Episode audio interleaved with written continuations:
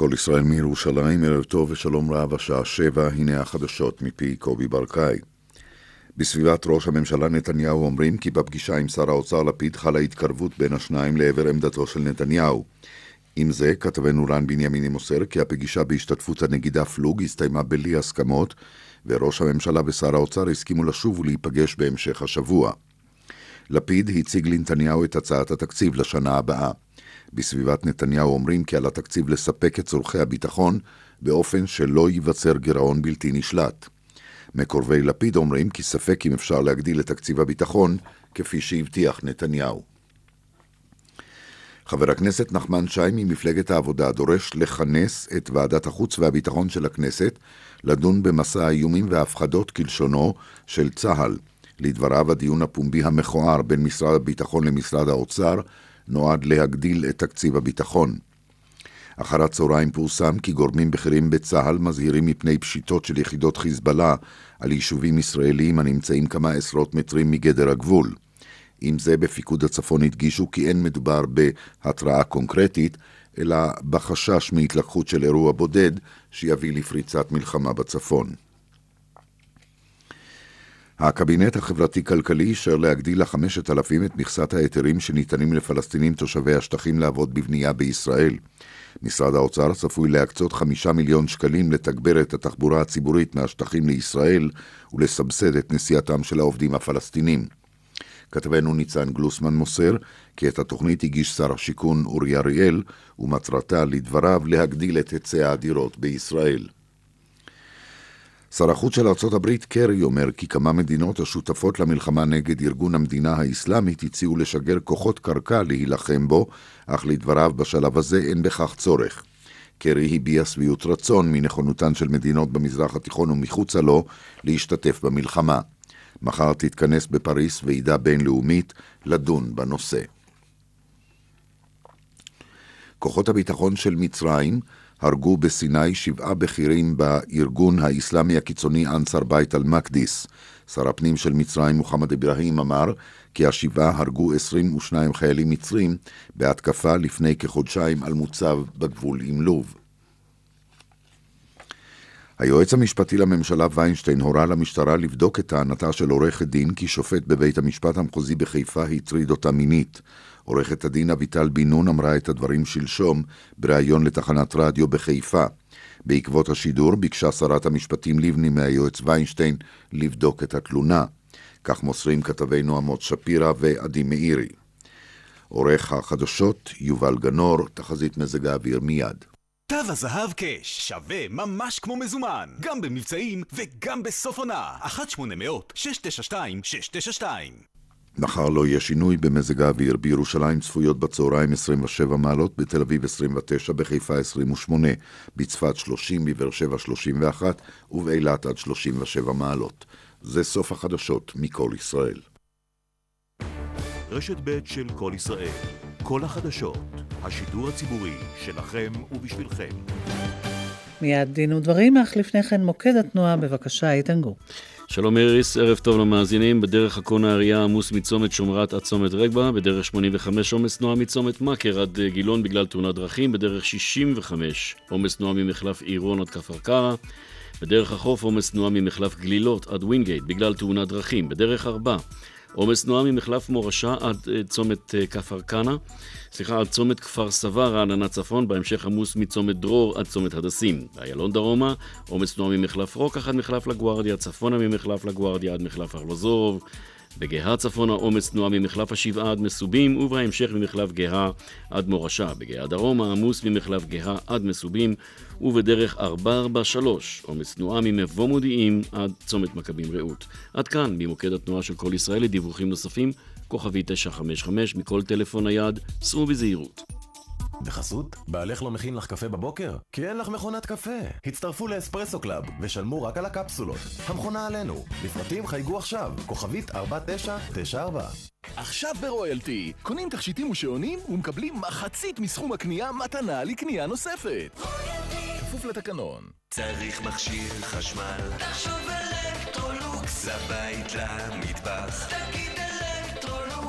בואו להתחדש במגוון מכשירי חשמל איכותיים במיוחד. מגהצים, קומקומים, שואבי אבק, טוסטרים, מערבלים ועוד. אלקטרולוקס חשבו בשבילכם על הכל אלקטרולוקס, חושבים עליכם. עכשיו ברויאלטי, קונים תכשיטים ושעונים ומקבלים מחצית מסכום הקנייה מתנה לקנייה נוספת. כפוף לתקנון.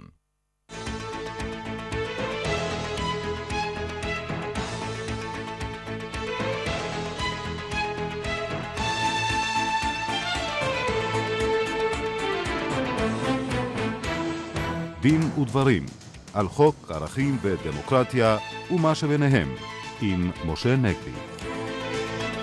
שלום לכם, עורכת התוכנית אורית ברקאי, בהפקה דפנה אברהם, טכנאית השידור קרן בר, כאן ליד המיקרופון משה נגבי ואיריס לביא. האם החשדות הפליליים נגד שופטים מחוזיים ופרישת עוד ניצב מהמשטרה מעידים על משבר ערכי ברשויות אכיפת החוק? מיד נדון בכך. כיצד תשפיע ההמלצה להעמיד לדין את הרמטכ"ל לשעבר, גבי אשכנזי, על מסירת מידע לכתב על חופש העיתונות? נדון בכך עם אורחנו באולפן, הדוקטור ישגב נקדימון, מחבר הספרים על החיסיון העיתונאי וההגנה מן הצדק, והיועץ המשפטי של חדשות ערוץ 2. האם כל התבטאות במהלך התדיינות משפטית חסינה מפני תביעת דיבה? אורחנו עורך דין אלון פומרנץ, שותף בכיר במשרד ליפה מאיר, יספר על החלטה חדשה של בית המשפט בנושא הזה. מדינת ישראל תפצה ברבבות שקלים שני אזרחים על שלא העמידה לרשותם אופציית קבורה אזרחית זמינה כפי שמחייב החוק. עמנו עורכת הדין אורלי ארז לחובסקי מהמרכז הרפורמי לדת ומדינה שייצגה את האזרחים שיפוצו. כל אלה איתנו, אבל נפתח כאמור בכותרות המשפטיות של השבוע החשדות בעבירות מין נגד שני שופטים מחוזיים ופרישתו של ניצב שטיין מהמשטרה, לאחר שצולם במסיבה של עורך דין החשוד בפלילים רונל פישר, משה. למרבה הצער, איריס, לשתי הפרשיות האלה יש מכנה משותף מאוד עגום, והוא שהן מטילות צל כבד מאוד, אפל מאוד, אולי אפילו מפחיד מאוד. על ניקיון הכפיים, על טוהר המידות של אותן מערכות שהיינו רגילים לחשוב עליהן כמי שמובילות את המאבק לטוהר מידות, לניקיון כפיים ומופקדות על המאבק החיוני והקריטי הזה. גם אה, המשטרה, גם אה, התביעה הכללית וגם אה, מערכת המשפט אה, עצמה. אה, נתחיל ב...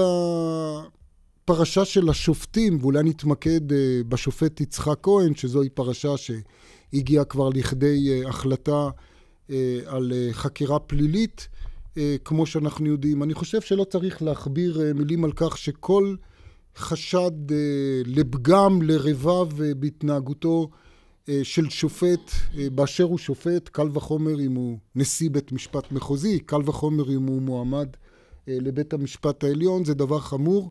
אני אומר כל חשד, ואני רוצה להדגיש, לאו דווקא חשד פלילי, גם חשד אתי, גם חשד להתנהגות אה, בלתי מוסרית כלפי שופט כזה, אה, זה דבר חמור, והדבר הזה מתחייב לא רק מההיגיון, אני חושב שההיגיון של כל אחד מבין ששופט צריך להיות אה, אה, ללא רבב ומעל לכל אה, חשד, אלא אה, אה, גם מבחינת החוק היבש. החוק היבש קובע שניתן, ולטעמי גם צריך, להשעות שופט, ובמקרים יותר חמורים אה, לפטר שופט ולהדיח שופט, לא רק על עבירה פלילית, אלא אה, גם על מה שהחוק מגדיר כהתנהגות שאיננה הולמת שופט, גם אם היא איננה פלילית.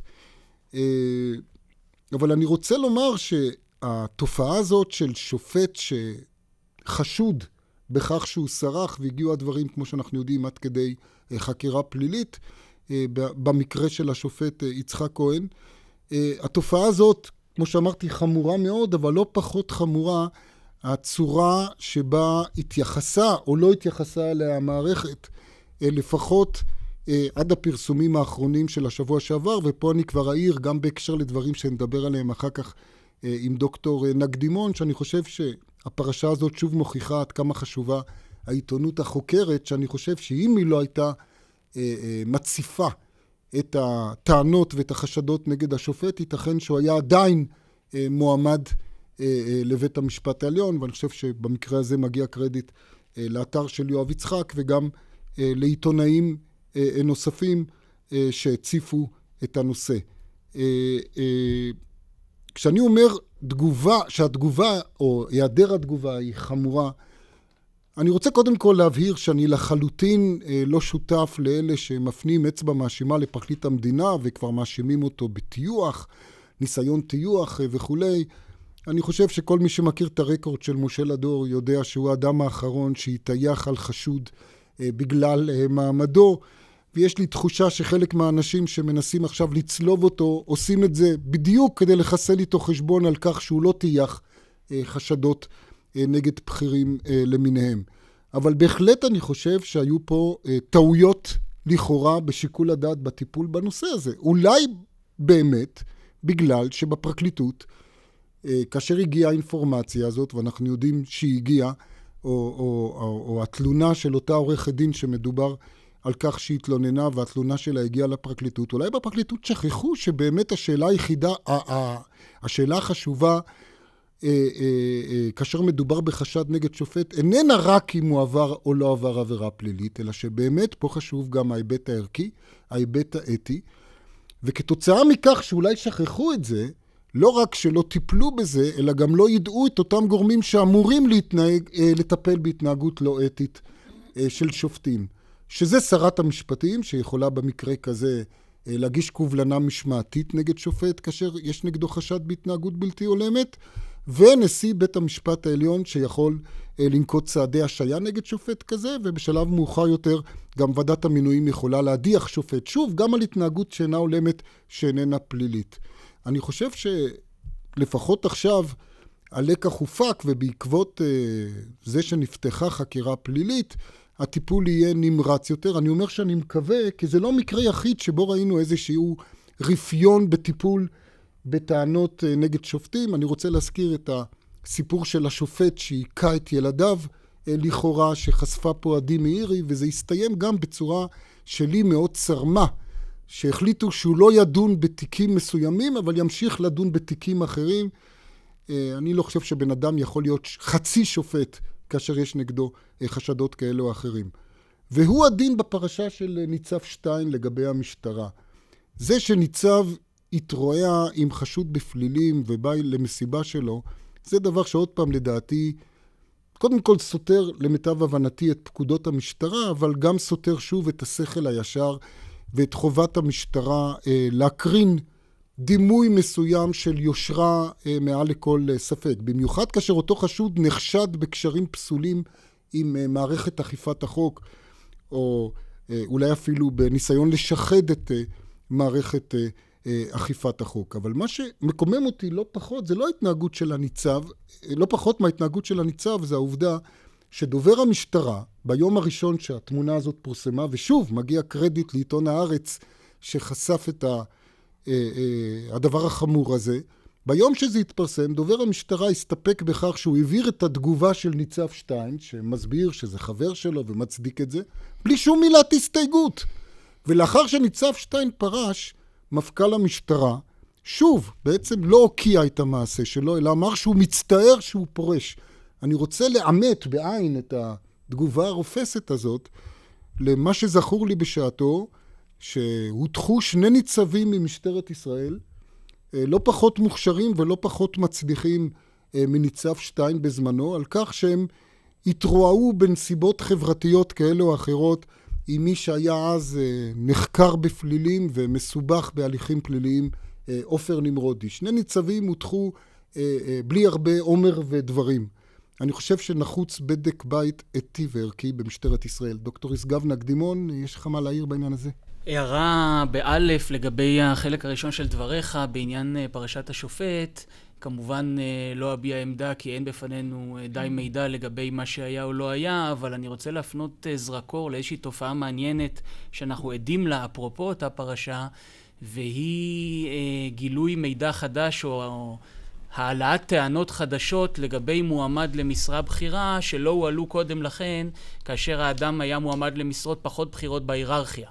אה, ודי אם נזכיר כאן את מערכת הבחירות לנשיאות, שהיינו עדים לאח לאחרונה, שצפו אה, טענות כלפי אה, אחד המתמודדים, שהובילו אחר כך גם להליכים חקירתיים כאלה ואחרים, ואף לפרישה ממרוץ של אחד המועמדים, כפי שכולנו זוכרים.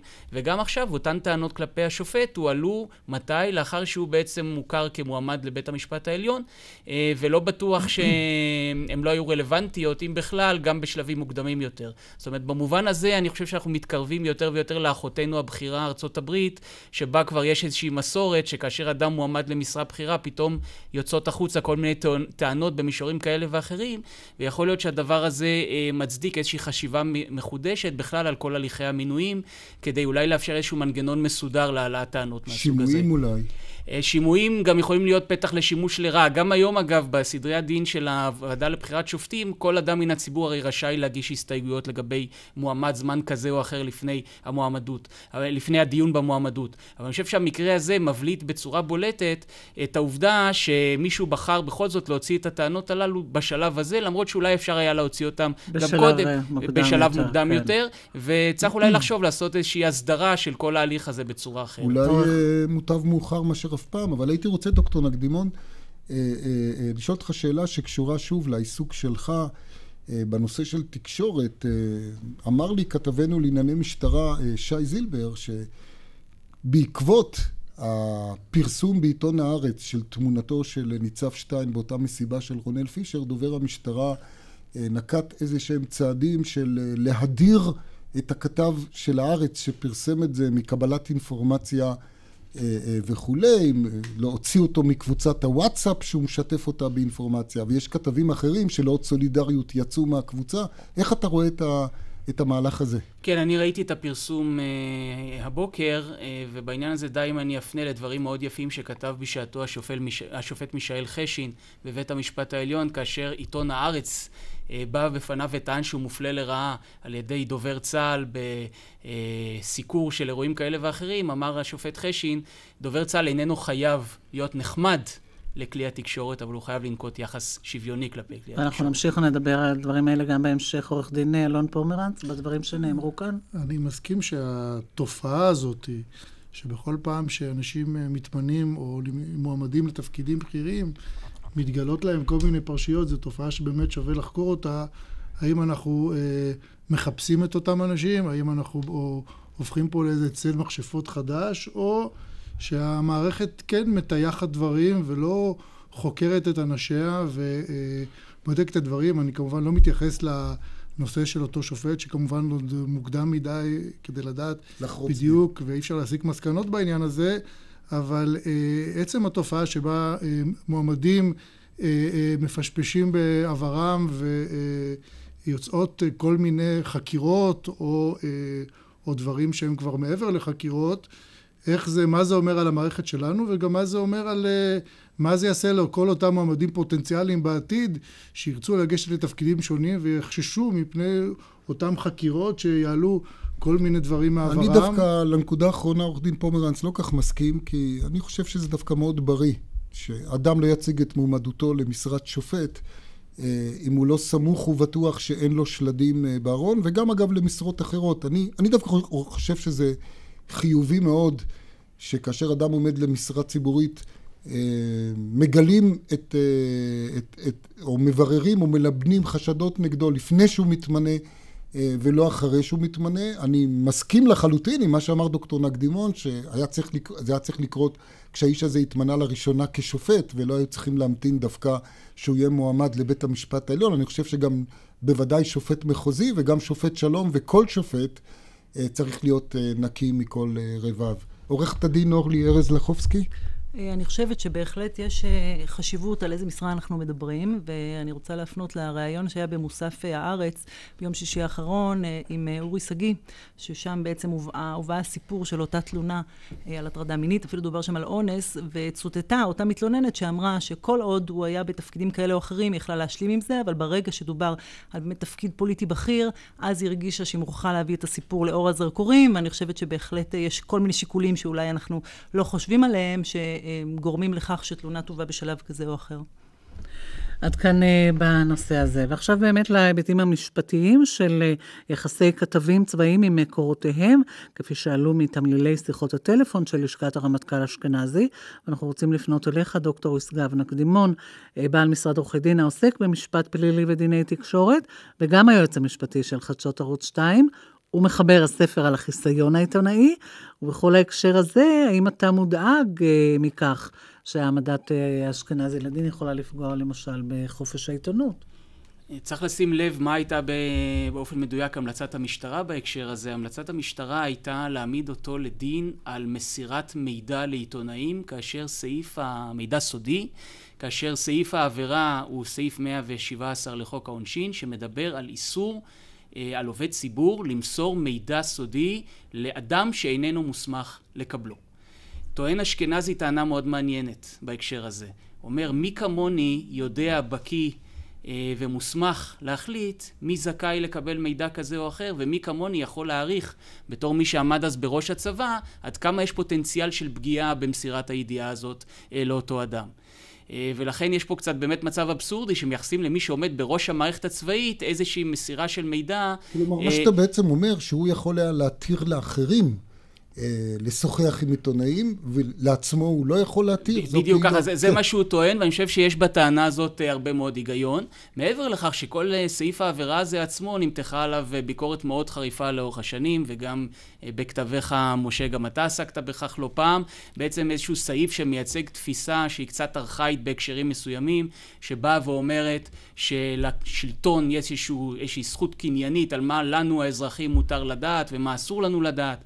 אז כמובן שאני לא בא ומצדיק מסירה של מידע סודי שעלול לפגוע בביטחון המדינה לגורמים כאלה ואחרים. אבל כאן, שוב, אנחנו לא יודעים בדיוק באיזה מידע מדובר, אבל בואו רגע נדמיין איזושהי סיטואציה שמוסרים מידע שאיננו מתפרסם בסופו של דבר, ושהרמטכ"ל חושב שמסירת המידע הזה לא תגרום לשום נזק לביטחון המדינה, ואין ספק שהרמטכ"ל יודע מה עלול לגרום נזק או לא עלול לגרום נזק, להפוך את הדבר הזה לעבירה פלילית.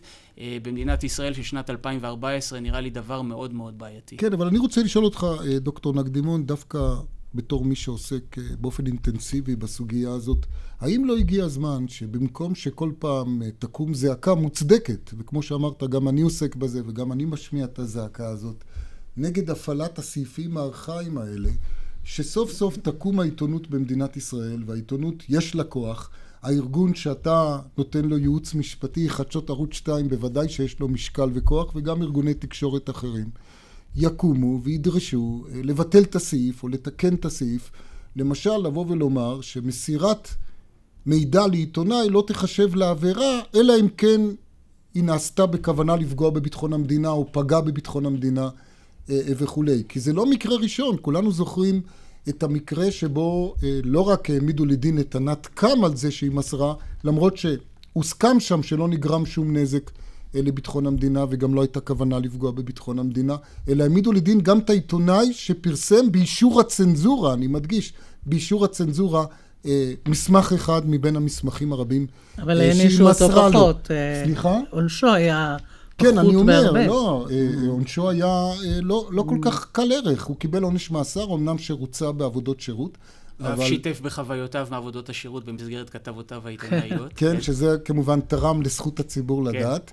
אבל אני אומר שוב, האם לא הגיע הזמן לטיפול שורש? כי יש איזו מין תחושה שכל פעם שקורה הדבר הזה, כולם מתפלאים ומקימים זעקה. האם לא הגיע הזמן למאבק יותר עקרוני לשנות את החוקים הארכאיים האלה? אז באמת בעניין הזה המחוקק בשעתו הלך כברת דרך מסוימת כאשר הוא הכניס את השיקול הזה של פוטנציאל הפגיעה בביטחון כאשר מתייחסים למסירת מידע על ידי עובד ציבור לשעבר. יש כן. סעיף שמדבר על עובד ציבור נכון. לשעבר, אם הוא העביר מידע וגורם מוסמך, שזה הצנזור לענייננו, החליט או מסר קביעה שהדבר הזה איננו פוגע בביטחון המדינה, הרי שזו הגנה טובה לזה שמסר. אני חושב שצריך לעשות את הצעד הנוסף הזה גם בהקשר של מסירת מידע לעיתונאים. אני חושב שגם בעניין של אשכנזי יש בעיה נוספת, והיא איזשהו סוג של אכיפה בררנית, שנראה לי שננקטה כאן בעניין שלו לעומת אחרים. ואני אסביר. אנחנו כולנו יודעים, כל מי שעוקב אחרי פעילות של תקשורת, מאז ומעולם יודע שבעצם תקשורת חיה מהדלפות. ואני לא אגלה סוד גדול אם אני אומר שחלק גדול מהמדליפים עומדים בצמתים מאוד מרכזיים של רשויות שונות. אפילו, אפילו ראשי ממשלה. אפי, ואפילו רשויות חקירה. המתקנים בשם פקיד בכיר מאוד. פקיד בכיר, מקור במטוסו של אה, וכולי, וגם ברשויות אה, אכיפה כאלה ואחרות. אה, לא עלינו, הם מסרו מידע לעיתונאים לפעמים בתור אה, מקורות ואז חסויים. בתור מי שכתב אה, ספר על הנושא הזה של הגנה מן הצדק, אתה חושב, אמנם אתה לא מייצג, משרדך לא מייצג את גבי אשכנזי, אבל אולי ניתן לו פה עצה משפטית חינם, אתה חושב שהוא יכול לבוא ולטעון הגנה מן הצדק בגלל שאוכפים עליו באופן בררני סעיף שלא אוכפים על אחרים?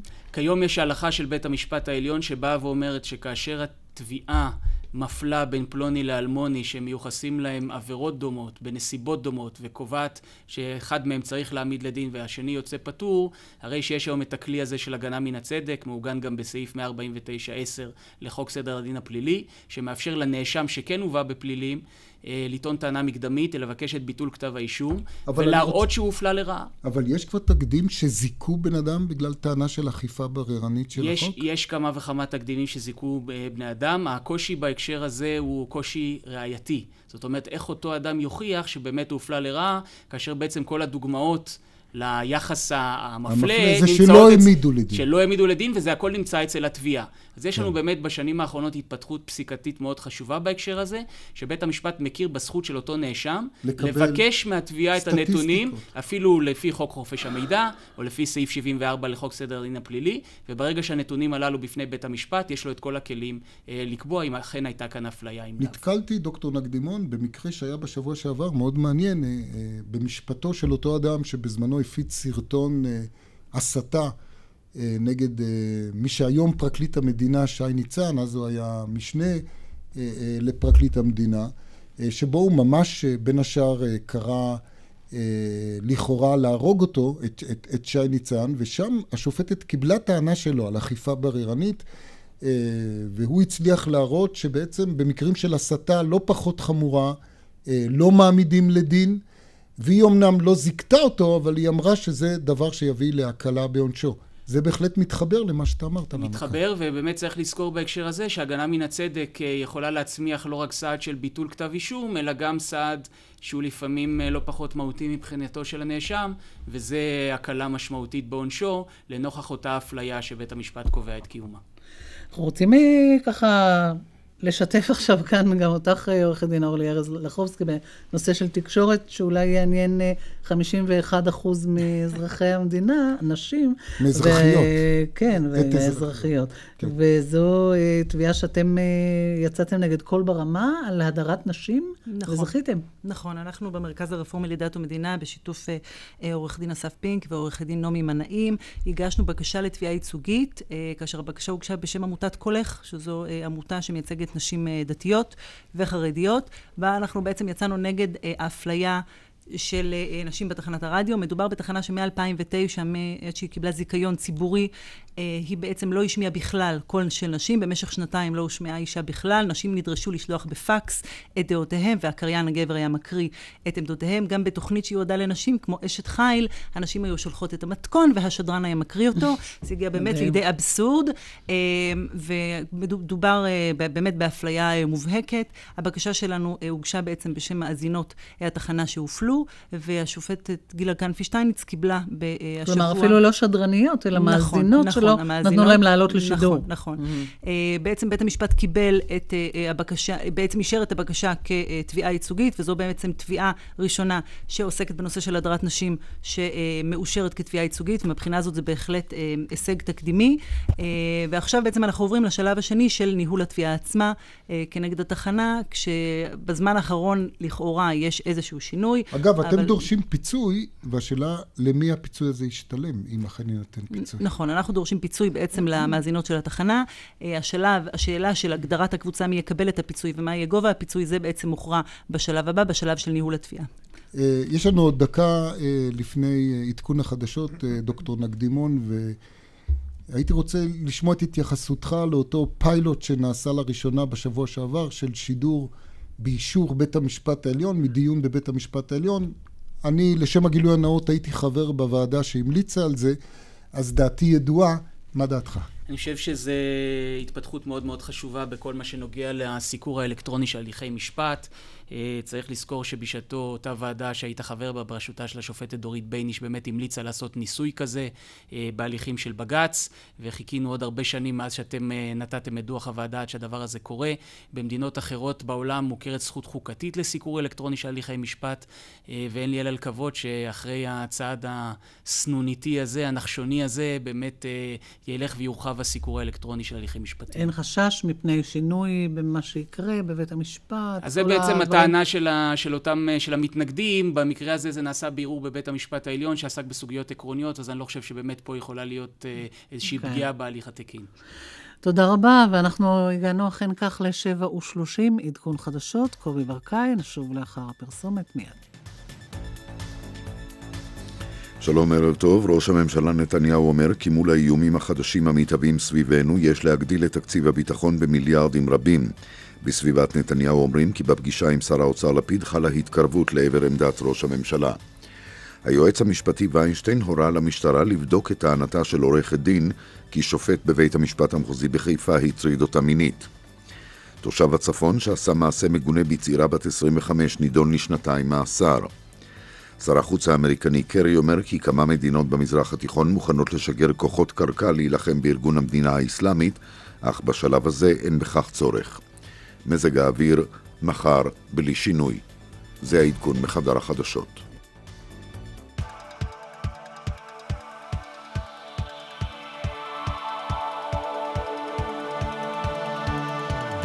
והתחזית להערב, רוח דרומית תנשב מהשעה תשע עם הסיפורים, הקולות והחדשות מהדרום ועל הדרום. רוח דרומית עם ניסים קינן באולפן בבאר שבע וברשת ב'.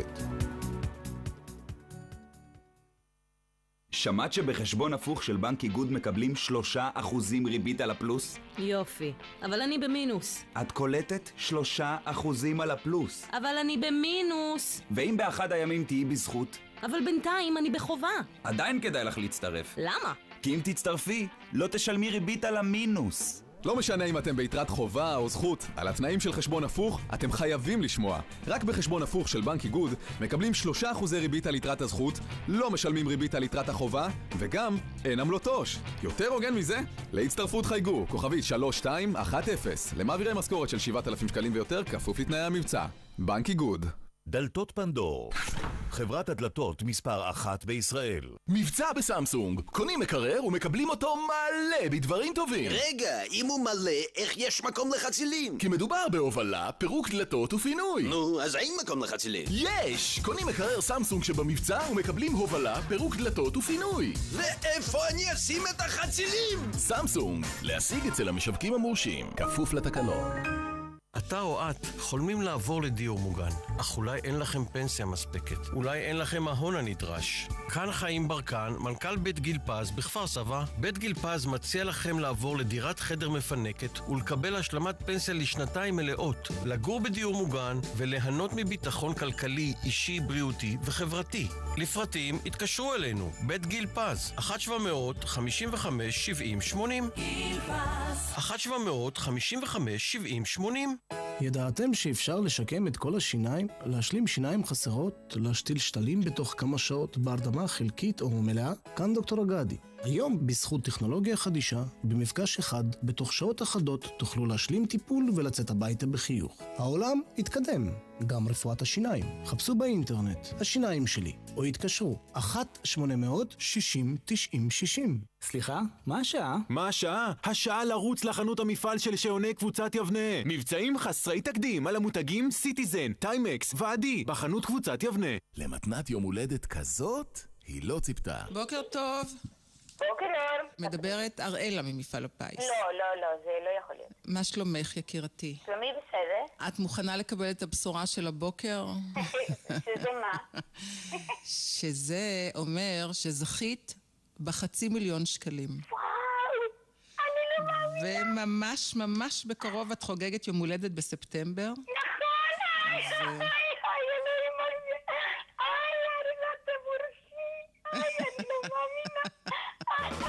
תגיבו אתם אם אראלה תתקשר? הצטרפו למינוי פיס, כוכבית 3990 ובנקודות המכירה.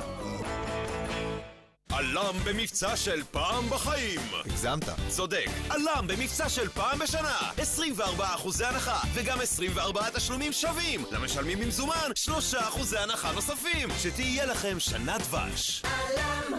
סופר מעוצב, סופר טיטניום. ועכשיו גם סופר משתלם. מגוון שעוני סיטיזן בהנחה עד 40%. עכשיו בקבוצת יבנה ובחנויות המובחרות. לא משנה אם אתם ביתרת חובה או זכות, על התנאים של חשבון הפוך אתם חייבים לשמוע. רק בחשבון הפוך של בנק איגוד מקבלים 3% ריבית על יתרת הזכות, לא משלמים ריבית על יתרת החובה, וגם אין עמלות עו"ש. יותר הוגן מזה? להצטרפות חייגו, כוכבית 3210, למעבירי משכורת של 7,000 שקלים ויותר, כפוף לתנאי המבצע. בנק איגוד. איך חוסכים לעסק בקניית רכב חדש? חדש מאופרייט, ליסינג up to you לעסקים קטנים. מתקדמים בהמרת טרייד-אין מהרכב הישן שזולל דלק לרכב חדש וחסכוני במחיר חודשי אטרקטיבי במיוחד. אופרייט, הילדים הטובים של עולם הרכב, כוכבית 5880 אופרייט. מרגישים שזה ווירפול, מוצרי חשמל ווירפול. חושבים על מדיח כלים? תחשבו ווירפול. מדיח הכלים היחיד עם החוש השישי, טכנולוגיה שעובדת בשבילכם. ועכשיו, קונים מדיח כלים ווירפול ובוחרים מתנה, מסחטת מיצים, או מעבד מזון, או מיקרוגל ווירפול.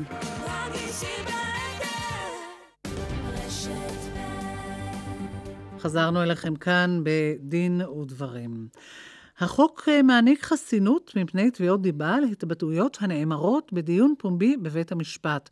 אבל אה, אתה, עורכנו, עורך דין אלון אה, פומרנץ, ממשרד ליפה מאיר, שותף בכיר במשרד, הצלחת לשכנע את בית המשפט להרחיב את החסינות הזאת לדברים שמה, שנאמרים איפה? במסדרון? כן, בהחלט. אותו פסק דין שקיבלנו אותו לא מזמן ותלוי ועומד ערעור ביחס אליו, אה, קבע בית המשפט בנסיבות המיוחדות של אותו מקרה, שיש אה, אה, מקום לתת חסינות גם לדברים שנאמרים במסדרון בית המשפט. עכשיו צריך להבין, זה לא שכונסה מסיבת עיתונאים באותו מסדרון וניצלו את הבמה בכדי לומר דברים שנופלים בגדר לשון הרע, אלא שבאותו מקרה הטענה הייתה שעד שישב בהמתנה בזמן שהדיון מתקיים בתוך אולם בית המשפט, אמר דברים שהם בגדר לשון הרע לאותו תובע שטבע במשפט, שלדבריו יצא באותו רגע. כלומר, ראו את זה כאיזה מין משהו שבלהט הדיון גלש לאחרי הדיון, להפסקה.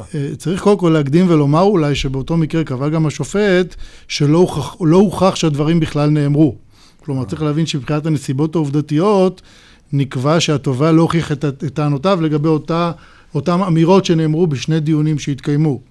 אבל השופט הלך צעד אחד קדימה, וקבע שבנסיבות מיוחדות שבהם דברים נאמרים בזמן שמתקיים דיון בית המשפט, זאת אומרת, ההליך עדיין מתקיים, זה לא שההליך הסתיים והצדדים יצאו החוצה לאחריו, אלא הדיון מתקיים. ויצא, ועדים נמצאים בחוץ וממתינים לעדותם, ודברים שנאמרים בפורום מאוד מאוד מצומצם באותו מקרה, בשיחה נטענת בין אותו עד לבין התובע, דברים כאלה ייפלו גם כן לתוך אותה מסגרת שבית המשפט בהלכת פואד חיר אמר שנותנים לה חיסיון מוחלט. דברים שנאמרים במהלך הדיון או במסגרת הדיון, גם אם זה לא קרה בתוך אולם בית המשפט, אלא מחוצה לו. אגב, מי שמע את זה ב... לצורך העניין? מי שמע במסדרון? באותו, באותה שיחה התקיימה אך ורק בין העד, בין אותו עד שהעיד, לבין התובע באותו משפט. זה עוד נסיבה שבית המשפט התחשב בה כשאמר, שוב, זה לא משהו שהתקיים בפורום רחב של אנשים. זה צריך להגיע לפחות לעוד בן אדם אחד נוסף. באותו מקרה, התובע היה אדם ששמע את הדברים מפי אותו תובע במשפט, ששמע את הדברים, שהוא היה גם כן עד אחר באותו משפט. אני רוצה לשאול אותך, דוקטור ישגב נקדימון, בתור אדם שמגן על כלי תקשורת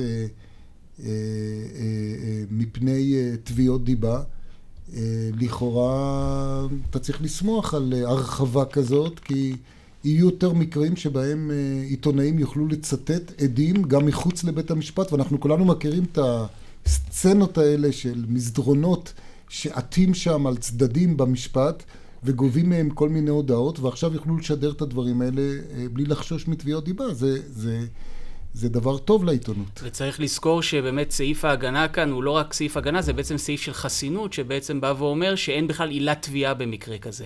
אני חושב שצריך לברך על ההרחבה הזאת, ואני רק אזכיר שרק לפני מספר שנים הייתה פסיקה של בתי משפט מחוזיים שרצתה לצמצם את ההגנה הזאת, ולקבוע שהיא תחול גם על דברים שנאמרים באולם בית המשפט, רק על דברים שיש להם קשר ענייני לדיון. זאת אומרת, אם העד אמר משהו שכאילו לא קשור לעילת התביעה או למה שמתנהל בדיון עצמו, ההגנה אה, לא תחול. הדבר הזה לא יתקבל בסופו של דבר אה, בבית המשפט העליון, והנה אנחנו עכשיו עדים שהערכאות הדיוניות פוסעות באותו נתיב ומרחיבות יותר ויותר את אם אותה כי עוד חסינות. פעם נדגיש, זה בינתיים החלטה של בית משפט שלום, עוד נראה נכון. אה, לאן היא תתגלגל. אני רוצה אבל להיות אה, פרקליטו של השטן אה, אה, אה, ולהציג את הצד השני. אני לפעמים מרגיש אי נוחות מהחסינות הזאת. אה, אה, אם יש מצב, כמו שאתה תיארת לנו, עורך דין פומרנץ, שהמושמץ הוא צד למשפט, אז אין, אין בעיה, כי הוא יכול לערער על, על אותו דבר שנאמר. אבל אה, מה קורה כאשר המושמץ הוא עד? והרבה פעמים זה קורה שאפילו השופט, במרכאות, משמיץ את העד, הופיע בפניו עד, והשופט, כדי לתת פסק דין, כותב, אה, היה מקרה מפורסם בזמנו עם אה, צחי הנגבי, שופטת כתבה עליו עוד כשהוא היה בהסתדרות הסטודנטים בירושלים, היא לא האמינה לעדות שלו במשפט, והיא כתבה, ניכר בעת שהוא איננו, האמת איננה נר לרגליו. והיא דחתה את העדות שלו. עכשיו, הוא לא יכול לערער על פסק הדין הזה, כי הוא לא היה צד למשפט, הוא בסך הכל העיד שם שעה.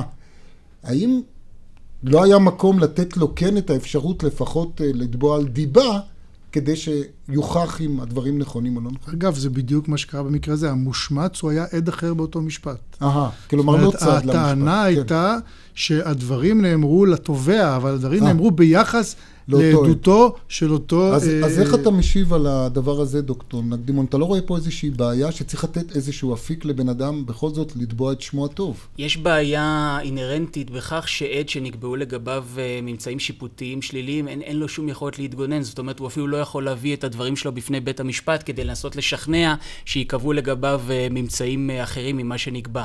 והפסיקה עמדה על כך, לכן אני חושב שהתרופה... אה, היחידה אולי בהקשר הזה, אבל אני לא מדבר במישור של לשון הרע, זה איזשהו ריסון שיפוטי בקביעות אה, שמתייחסות לעדים שלא יכולים להתגונן מפני מה שעלול להופיע בפסק הדין בעניינם. זאת אומרת, גם כשבית המשפט, אה, מה שנקרא, שולל אמינות של עד, דוחה דברים של עד, אה, אני חושב שראוי שהדבר הזה ייעשה במתינות ובמידתיות כדי לא להחריף פגיעה ב- באותו אדם. כן, אני חושב, פומרנץ. אני דווקא רק בתגובה חושב שדווקא יש אולי, יהיו מי שיאמרו שיש מגמת עודף ריסון של שופטים שמתבטאים בלשון מאוד מאוד רפה ולא בוטה ביחס לעדויות שנשמעות בפניהם, ולא מותחים ביקורת יותר נוקבת על אנשים שלכאורה לא אמרו אמת. ויהיה מי שיאמר כיצד ייתכן שכל כך הרבה עדויות שנדחות על ידי בית המשפט זה נראה כאילו בית המשפט עבר על כך לסדר היום, ולא לקח את זה למקום קצת יותר בוטה, כשאנחנו יודעים מה דינה של עדות שהינה שקר. אבל אתה לא רואה שום כלומר, בעיה צריך עם למצוא זה את שביל הזהב בין אותו אה, אינטרס של אה, אה, באמת לשמור על שמו של אדם, ולא, אה, ולשמור על אה, ריסון שיפוטי ביחס לאמירות על אמינות, לעומת העובדה שבכל זאת אנחנו נתקלים בהרבה מאוד מקרים שנאמרים דברים שאינם אמת בבית המשפט, ולפעמים יהיה מי שיאמר שהדברים נתפסים כאילו עוברים עליהם לסדר היום. לכאורה. אולי, אולי, אולי הפתרון אה, יכול להיות שאם עד נאמרים עליו דברים פוגעניים בפסק דין, הוא יוכל גם לערער על פסק הדין, לא רק הצדדים, למרות שבתנאי העומס הנוכחיים על בית המשפט אני לא רואה שיאמצו את ה... פתיחה של סוג חדש של הליכים. כן. עד כאן אה, בנושא הזה, ועכשיו אה, לנושא, חוזרים אלייך, עורכת דין אורלי ארז לחובסקי, המשרד לשירותי דת חויב לפצות ברבבות שקלים שני אזרחים על שלא ידע אותם על אופציית קבורה אזרחית זמינה. ואת, אה, עורכת דין לחובסקי, מהמרכז הרפורמי לדת ומדינה, הצגת אותם. אז האם זה אומר שלכל אזרח אה, שמורה הזכות הזו? קודם כל, אני רק אעמיד דברים על דיוקם. הפיצוי נבע בעצם משני שני, אה, אה, פגמים בהתנהלות של משרד הדתות. אנחנו מדברים על חוק הקבורה האזרחית, שנחקק לפני 18 שנה, ולמרות משך הזמן הרב שעבר, עד היום יש בתי עלמין בודדים ברחבי הארץ, שבהם ניתן להיקבר בקבורה אזרחית, במימון המדינה. ובית המשפט קבע שני דברים. קודם כל הוא קבע שעצם העובדה שמשרד ה- המשרד לשירותי דת לא יישם כראוי את החוק, ולא קבע מספיק בתי עלמין אזרחיים שמרחקים סבירים ביניהם כלשון החוק. העובדה הזאת, המחדל הזה, בעצם מהווה רשלנות חמורה שבגינה הוא צריך לפצות אנשים שנפגעו. ודבר שני, אה, העובדה שבעצם משרד הדתות לא מיידע את הציבור בדבר אופציות הקבורה האזרחית שעומדות בפניהם, כי אה, כידוע לכולנו, אופציה של קבורה דתית אה, בבית עלמין שמופעל על ידי חבר'ה קדישא מצויה בכל יישוב בארץ, וגם... והקבורה היא חינם כמובן, כי הביטוח הלאומי מממן את ההוצאות. ב- בוודאי, וגם המידע הזה זמין, זאת אומרת, בכל בית חולים גם יש נציגות של חברה קדישא, כל אחד יכול להבין היכן אה, הוא זכאי להיקבר במימון המדינה. לעומת זאת, בבית עלמין אזרחי יש בתי עלמין בודדים, ואי אפשר לדעת מי רשאי להיקבר במימון המדינה. באיזה בית עלמין, משום שחלק מבתי העלמין, מיעוטם הם אזוריים, וחלקם קוברים רק את תושבי המקום, ובמקרה שלנו, דובר בבית עלמין בכפר סבא, שהתובעים בעצם חשבו שהם יוכלו לקבור שם את אה, בני זוגם, משום שהם גרו בקרבת מקום, ברעננה ובתל מונד, והסתבר להם ביום הפטירה שלמעשה הם צריכים לשלם כסף משום שלא תושבי כפר סבא. ועל כך בעצם אה, אנחנו הלכנו ותבענו את המשרד לשירותי דת, בדרישה שיחזיר להם את אותם כספים, שאם המשרד היה מיישם כראוי את חוק הקבורה האזרחית, הם לא היו צריכים אז לשלם. הקריטריון, אגב, לקבורה אזרחית הוא תמיד מיקום? באופן עקרוני, החוק קבע שצריכים להיות בתי עלמין אזוריים. מה שקורה בפועל, שרוב בתי העלמין הם מקומיים, אה, וקבורים רק ויש תושבי אזורים היישוב. שאין בהם בכלל בתי קברות. נכון. למשל בירושלים, אין אופציה לקבורה אזרחית, גם בתשלום, הדבר הזה פשוט לא קיים. אגב, גם בגוש דן, יש בהרצליה, יש בכפר סבא, בתל אביב עצמה, אין בכלל אופציה לקבורה אזרחית. והיום, עד היום, בעצם יש בעיה לאנשים שמעוניינים באופציה הזאת. אה, למעשה, כל אחד שנמצא בנסיבות דומות יכול לבוא ולהגיש תביעה. אה, כנגד המשרד לשירותי דת, שבה הוא אומר, אתה, אתם בעצם לא דאגתם לזה שתהיה לי אופציה של קבורה אזרחית במקום מגוריי או במרחק סביר ממקום מגוריי, ולכן אתם צריכים לפצות אותי על הסכום שנדרש לי לשלם, ואלה סכומים גבוהים, זה יכול להיות 15,000 שקל, 18,000 שקל, ושמעתי גם 25 ו-36 אלף שקלים. בקיבוצים וכולי, שמוכנים תמורת תשלום. אה, למעשה בקיבוצים היום כבר אסורה קבורה, מותרת קבורה רק של בני הקיבוץ ומשפחותיהם. זאת אומרת, אם פעם היה העלימו עין מהעניין הזה, היום הדבר הזה בכלל אסור, ולכן גם לא קיימת האופציה הזאת.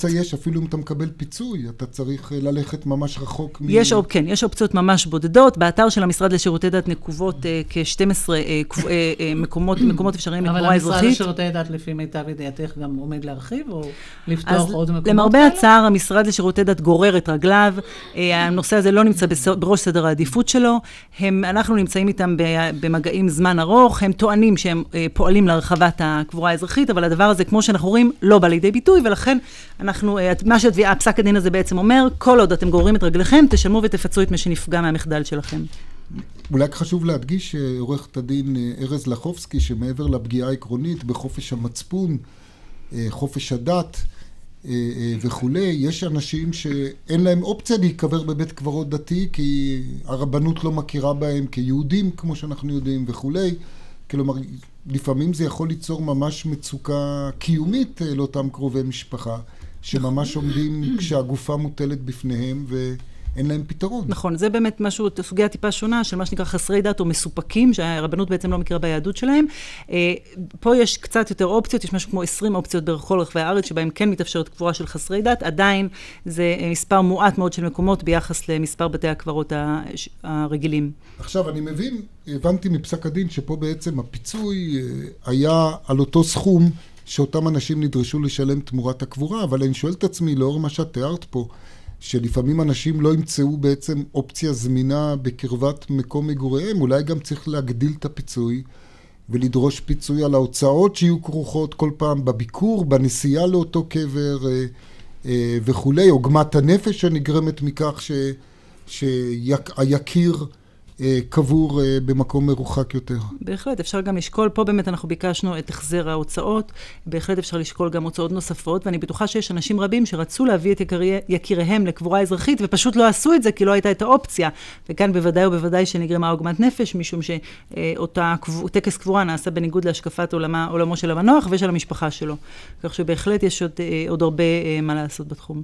איך פרקליטות המדינה הצדיקה את המצב הזה שאת תיארת פה. פרקליטות המדינה נקטה בגישה שלא תיאמן, שבמסגרתה היא אמרה שלמעשה הייתה אופציה לקבורה אזרחית בבית עלמין אחר, בית עלמין שנקרא המסילה, שבו ניתן היה לקבל, לקבל קבורה בחינם, אבל אנחנו הראינו במהלך העדויות שאף בן אדם לא יכול היה למצוא את המידע הזה, ושפשוט המידע הזה הוא לא נכון, משום שמדובר בבית עלמין למעשה לחסרי דת ולא לקבורה אזרחית, וראש המועצה הדתית שהעיד, העיד למעשה שזה לא נכון ואין בעצם אה, אופציה, ואנחנו הראינו גם שכל אה, המידע שמסופק על ידי המשרד לשירותי דת הוא מידע מוטעה, ושאי אפשר להבין ממנו מה הזכויות של אדם, ואני חושבת שמה שנאמר בפסק הדין שהוא מאוד מאוד חשוב, שכשאדם נמצא במצוקה, בוודאי שכשממש כשקרוב- ברגע כן. בדיוק, כשקרוב משפחה נפטר, אי אפשר לצפות מאדם להתחיל לעשות דוקטורט ולכתת את רגליו ולהתחיל לעשות? טלפונים מי, מה, מה זכאי, וזו בדיוק האחריות של המשרד לשירותי דת שהוא לא עשה.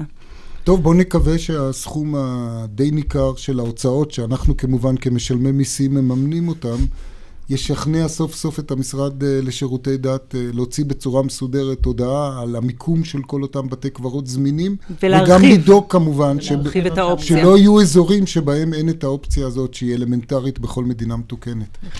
אנחנו מסיימים כאן. תודה רבה לכולם, לדוקטור סתיו נקדימון, לעורכי הדין אלון פומרנץ ואורלי ארז לחובסקי. עורכת התוכנית אורית ברקאי, המפיקה דפנה אברהם, הטכנאית השידור קרן בר, באולפן היינו משה נגבי ואיריס לביא. ניתן להאזין לנו באתר רשת ב' באינטרנט, אנחנו נשוב בשידור חי של דין ודברים ביום ראשון הבא, אחרינו מהדורת מבט מן הערוץ הראשון. ערב טוב.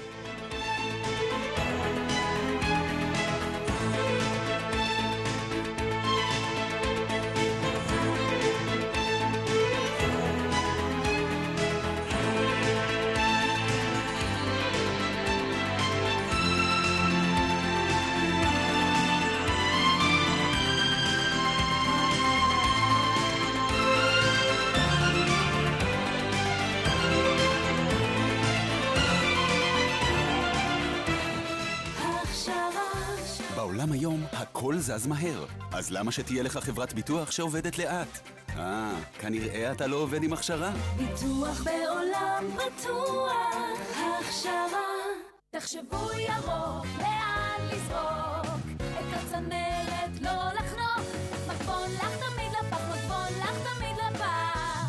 למיצג של איגודן בכיכר רבין, החל מ-15 בחודש, לחוויה של מחזור ואיכות הסביבה. פרטים בדף הפייסבוק של איגודן, להתראות באסלה הירוקה.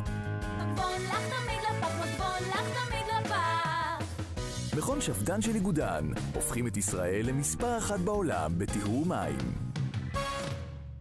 מבצע בסמסונג, קונים מקרר ומקבלים אותו מלא בדברים טובים. רגע, אם הוא מלא, איך יש מקום לחצילים? כי מדובר בהובלה, פירוק דלתות ופינוי. נו, אז אין מקום לחצילים. יש! קונים מקרר סמסונג שבמבצע ומקבלים הובלה, פירוק דלתות ופינוי. ואיפה אני אשים את החצילים? סמסונג, להשיג אצל המשווקים המורשים, כפוף לתקנון.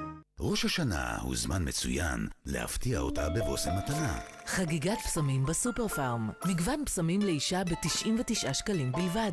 לדוגמה, קברט, נינה ריצ'י, נועה, מיריקל, מוסקינו ועוד.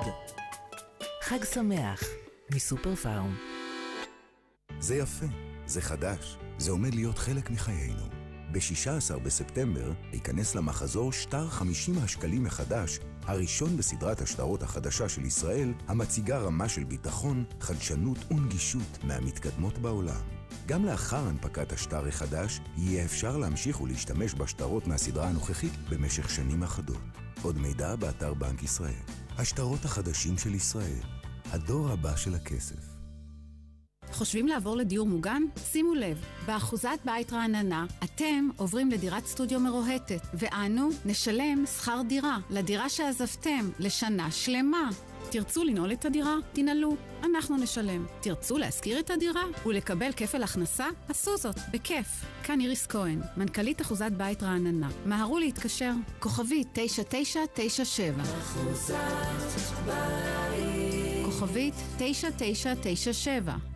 עלם במבצע של פעם בשנה. טלוויזיה לד סמארט 28 אינץ' של קינג ב-699 שקלים בלבד. לקונים ב-1,000 שקלים ומעלה, על פי התקנון. הכשרה, ביטוח בעולם בטוח, הכשרה. בחסות, החברים לא באים לראות אצלך כדורגל? כי אין לך מכונת קפה. הצטרפו לאספרסו קלאב, ושלמו רק על הקפסולות. המכונה עלינו. לפרטים חייגו עכשיו, כוכבית 4994. עכשיו ברויאלטי, קונים תכשיטים ושעונים ומקבלים מחצית מסכום הקנייה מתנה לקנייה נוספת. כפוף לתקנון. מרגישים שזה ווירפול, מוצרי חשמל ווירפול.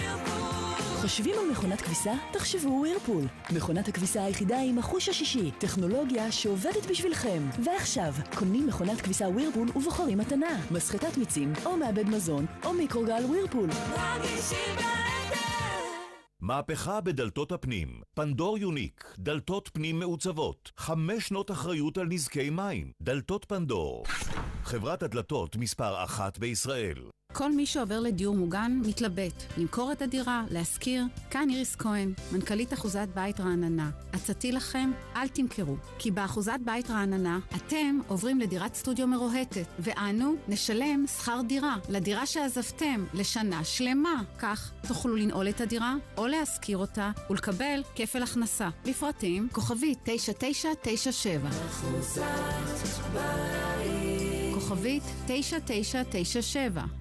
עלם במבצע של פעם בחיים! הגזמת. צודק. עלם במבצע של פעם בשנה! 24 אחוזי הנחה, וגם 24 תשלומים שווים! למשלמים במזומן, 3 אחוזי הנחה נוספים! שתהיה לכם שנה דבש! עלם! צומת ספרים מאחלת שנה טובה ומזמינה אתכם ליהנות ממגוון ספרים, משחקים ומארזי מתנה לחג. תמיד כדאי בצומת ספרים.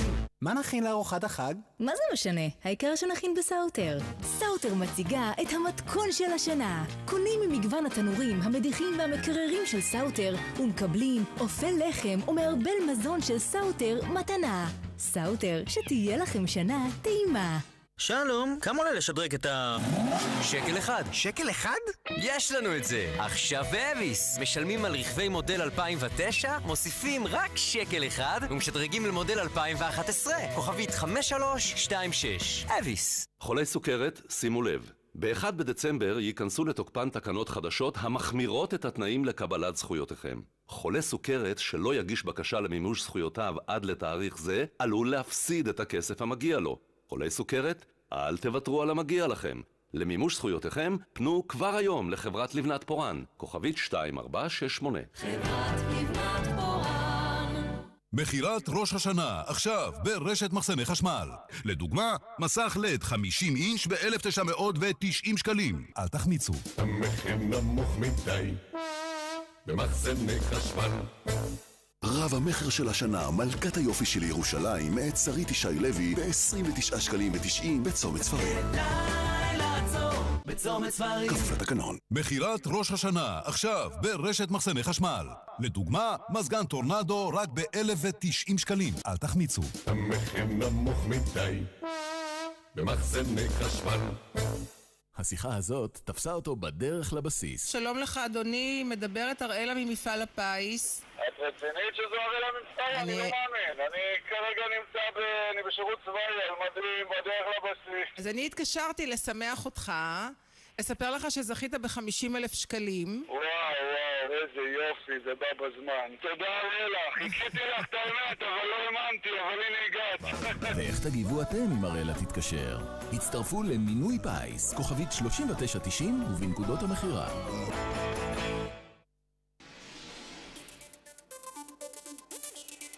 רשת ב' של כל ישראל. אנו עוברים עתה אל הטלוויזיה הישראלית, הערוץ הראשון, לשידור מהדורת מבט.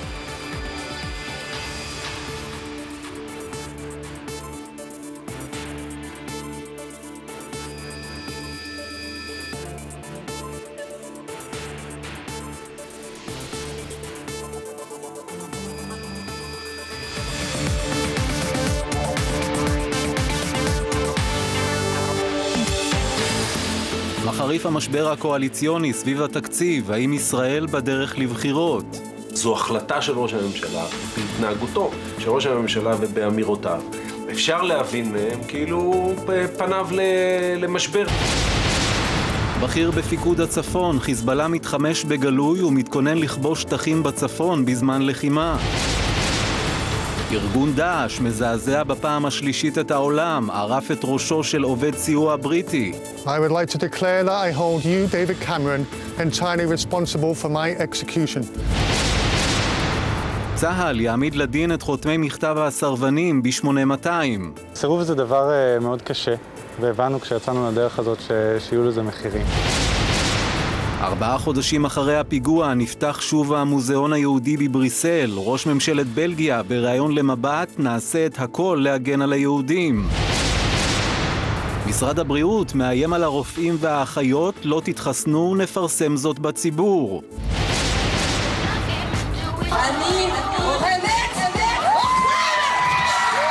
ליידי גגה כובשת את פארק הירקון.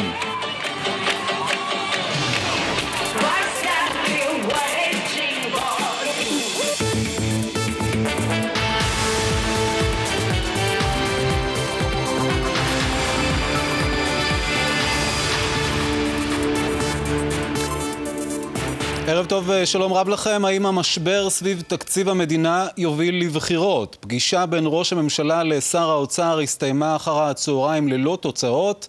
במוקד המחלוקת תוספת של מיליארדי שקלים לתקציב